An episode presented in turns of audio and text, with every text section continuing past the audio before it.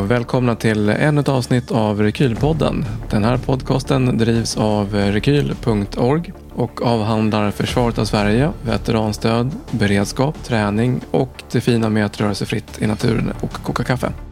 Varmt välkomna till Rekylpodden. Idag kör vi ett Ukraina-special eh, under årsdagen då utav eh, Rysslands invasion av Ukraina. Eh, och med mig i studion idag så har jag ingen mindre än Ulf Henriksson. Tack. Jag tänker så här, vi går ju går rakt in på dina tankar kring vad är det som har eh, hänt här nu under 2022 och hur tror du att 2023 kommer utveckla sig? Ja, det som har hänt är väl uppenbart för alla att eh, Ryssland har gått in i Ukraina och inte varit speciellt framgångsrika. Eh, och det är nog många svenskar som är lite överraskade över. Och tänkte det här blir en snabb affär. Ja, det kanske låter övermaga men jag var inte så förvånad. Varför inte det? Nej, därför att en armé är en spegel av samhället. Och det ryska samhället är ju inte så kul va? med korruption och mobbing och allt vad det är. Och den ryska armén, den kan man läsa om och då rekommenderar jag Alexej Babchenkos böcker, två stycken. Eh, Krigets färger och eh, Rysslands förlorade krig. Då Alltså har man läst dem då blir man inte förvånad. Det går åt helsike. Eh, för det är ju en eh, bedrövlig, alltså hallå. Och, och, då är det så att vi har ju eh, ägnat oss åt en hel del inspektioner inom ramen för så kallade Wiendokumentet och gjort det i Ryssland. Själv har jag varit på, hos 14 ryska armén i Transnistrien. Alltså, det man ser där då behöver man inte bli förvånad över det som hände här. Utan de har byggt upp en bild som är oövervinnlig. Sen kanske en och annan svensk har åkt och tittat för, på för många förevisningsövningar som är eleganta. Förevisningsövningar, det ska man inte ha.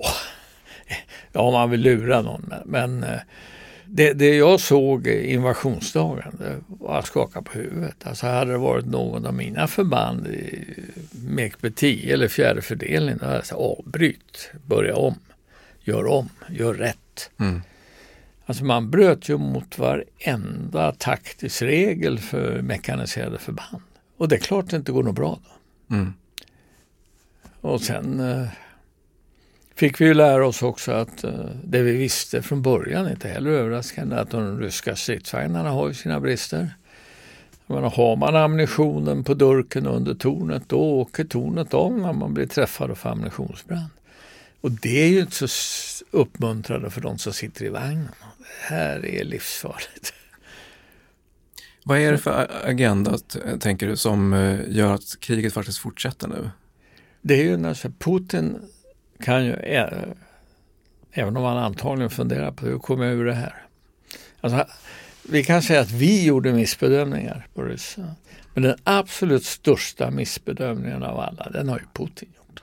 Alltså han har ju fått precis tvärs, resultat tvärs emot vad han ville ha. Alltså först förlorade han kriget, blev av med eh, ja, hundratusentals soldater, stridsvagnar och allting. Och och eh, sen eh, tappar han förtroendet. Ingen tror på Putin. Han har ju, håller ju inga som helst avtal, ingenting. Och eh, så han är ganska nedslagen, mm. skulle jag säga. Mm. Och hur han kommer ur det här, det vet jag. Men det är ju bara att titta på kartan.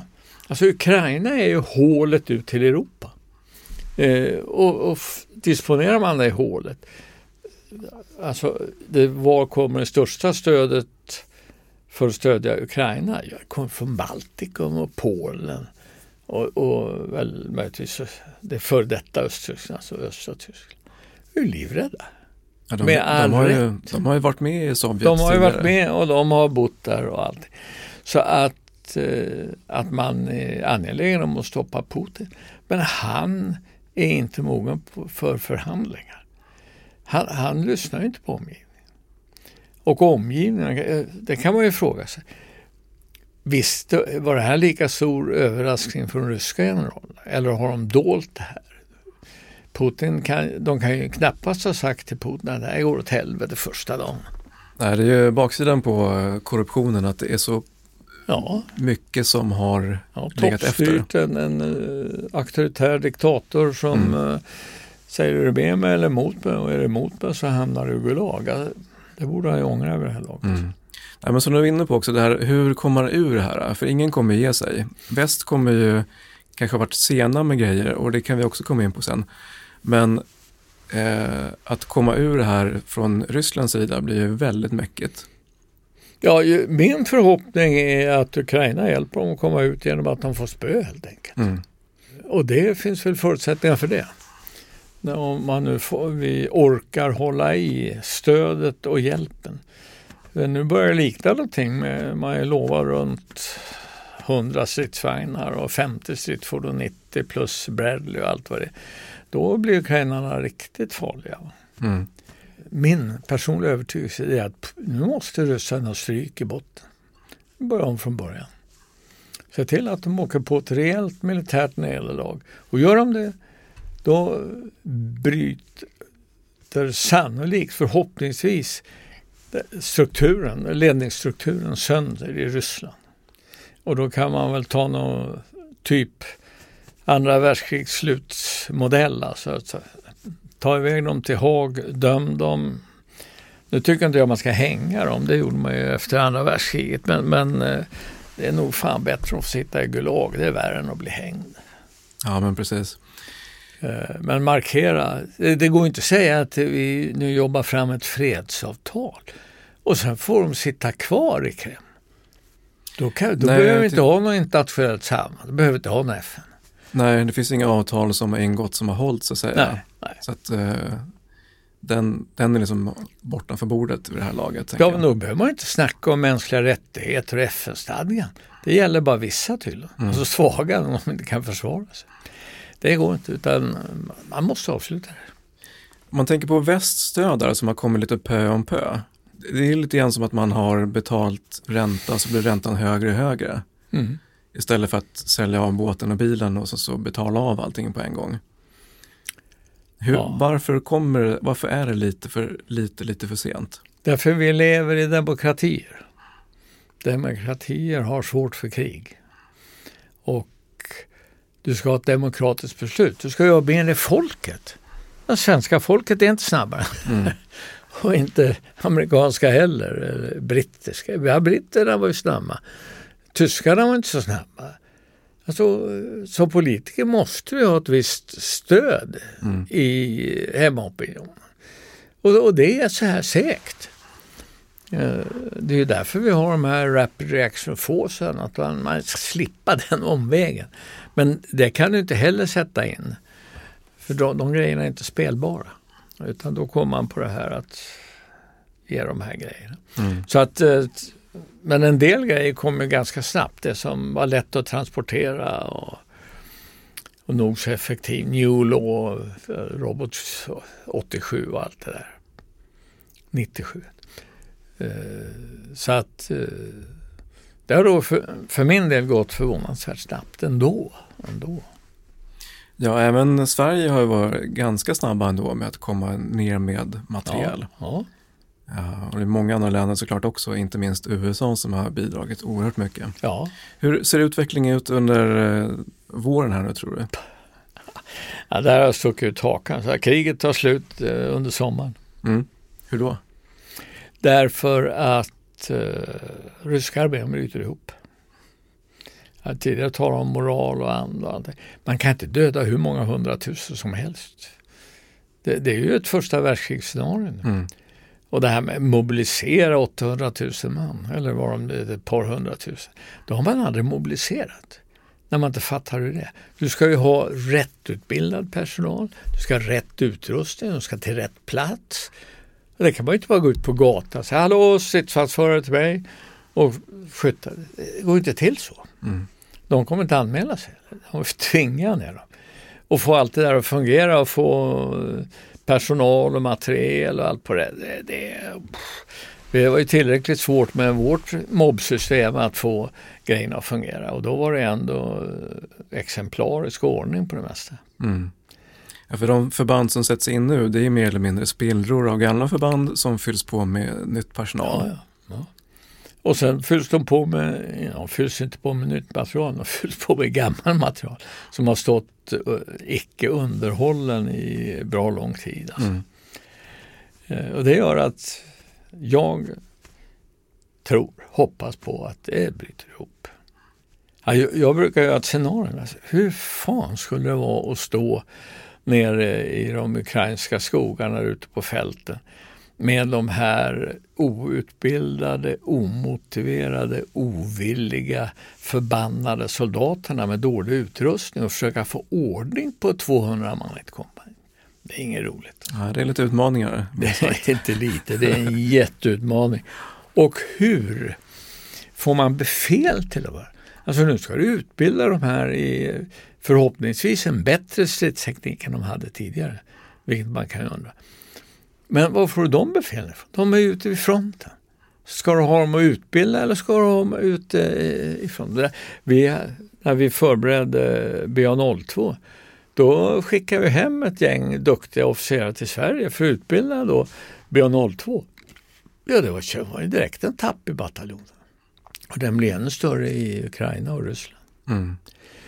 Eh, ja, det, det, är det jag bygger mitt antagande på. Mm. Jag kan ha fel, men det, det är så många som har fel. Äh, ja, men vi håller tummarna för att det går åt rätt håll i alla fall. Det, ja. känns som att det har hållit på alldeles för länge nu i alla fall. Ja, men, men eh, men sen så Ryssland ligger där de ligger och de har nästan inkorporerat hela den här agendan att man eh, har sin offerkofta på sig, att man själv är offret och att väst tar för sig. Ja, man, kan, man kan ju att det är för hemmabruk den här propagandan och att många ryssar går på det men får ju vid gud hoppas att inte så många västerlänningar går på det.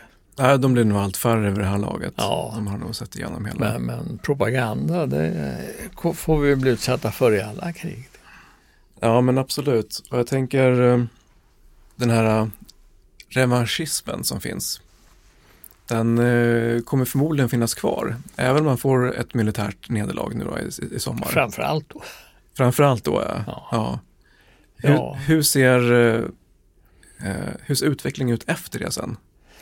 Ja, alltså, det kan inte jag svara på, men jag kan ju tala om vad jag hoppas på. Mm. Och det är väl att man, och det är nog alla inser, man måste bygga upp, inte bara Ukraina, utan även Ryssland. Det kommer att kosta en del. Mm. Men om man jämför det. Och då menar du väst bygga upp? Eh, ja, ja. ja, hela världen. Mm. Alltså det finns mycket annat att bygga upp också, mm. så det gäller att prioritera. Men det, det måste ändå bli så att det blir bättre för ryssen och Ukraina efter det här. Ja, det är en förutsättning. att... Eh, ja. Men, men vi, Tyskland byggdes upp, eller hela Europa byggdes upp efter andra världskriget. Mm. Gick då, klart det går nu. Mm. om vi bjuder till detta. Och så in med dem i EU. Ukraina är ju på god väg nu. Men ställ kraven. Ni ska, nu är det demokratiska regler som gäller. Det är EU-lag eller vad det är. Och det ska även Ryssland göra. Mm. Och sen... Ja, det är en lång resa. Ja, det är en, ja jag vet inte. Ja, om du får be, eller Det är därför, ta bort ledarskap och sätt in ett nytt. Mm. Det man funderar på varför lyckas Tyskland vända? Japan vända? Mm. Ja, i och för sig så kan man säga okej, okay, de hade en hyfsat välutbildad statstjänstemannakår och allt. Men man lyfte ju de gamla ledarna. In med nya. Mm. Och det är vad man måste göra här. Så visst går det. Man får inte säga att det går inte. Det är klart som fan det går. Alltså, det kan vara svårt och problematiskt. Men går ju. Och det finns bevis på. Ja, och, men, men då måste man också ge ekonomiska resurser. Att de märker att det blir ett bättre land. Det blir bättre för oss. If you can't beat them, buy them. Just det. Så att, eh, men det är en lång resa. Men, men eh, är bara man överens så går det bra. Slipper fler dårar i politiken. ja, de har väl sett ganska många av det här. eh, Ja, nu börjar det bli för tiden. mycket av dem. Ja, verkligen. Ja, vi, vi önskar i alla fall att det blir en lite lugnare slut på 2023, att det inte kommer några mer galenskaper. Det blir dags att... Det tycker jag är en bra fråga. Ja. Stort tack för den här gången Ulf. Tack så. Eh, stor ära att ha dig med. Eh, så att, eh, tar vi rundar av på den här. Mm. Tack ska ni ha. Tack så. Tack för att du hängde med på det här avsnittet. Det var intressanta spaningar från Ulf eh, Henriksson och under våren så kommer vi följa upp med fler spaningar från andra människor som kommer dyka upp i studion här. Men innan dess så släpper vi såklart avsnittet där Ulf berättar om den legendariska insatsen i B01. Passa på att eh, prenumerera på podden och tveka inte att ge den betyg. Det här gör det enklare för andra att hitta hit. Eh, länkarna från avsnittet hittar du i show notes och oss på Rekyl hittar du på rekyl.org. Och till sist, se till att öka din handlingsfrihet genom att ge dig ut och träna. Tja!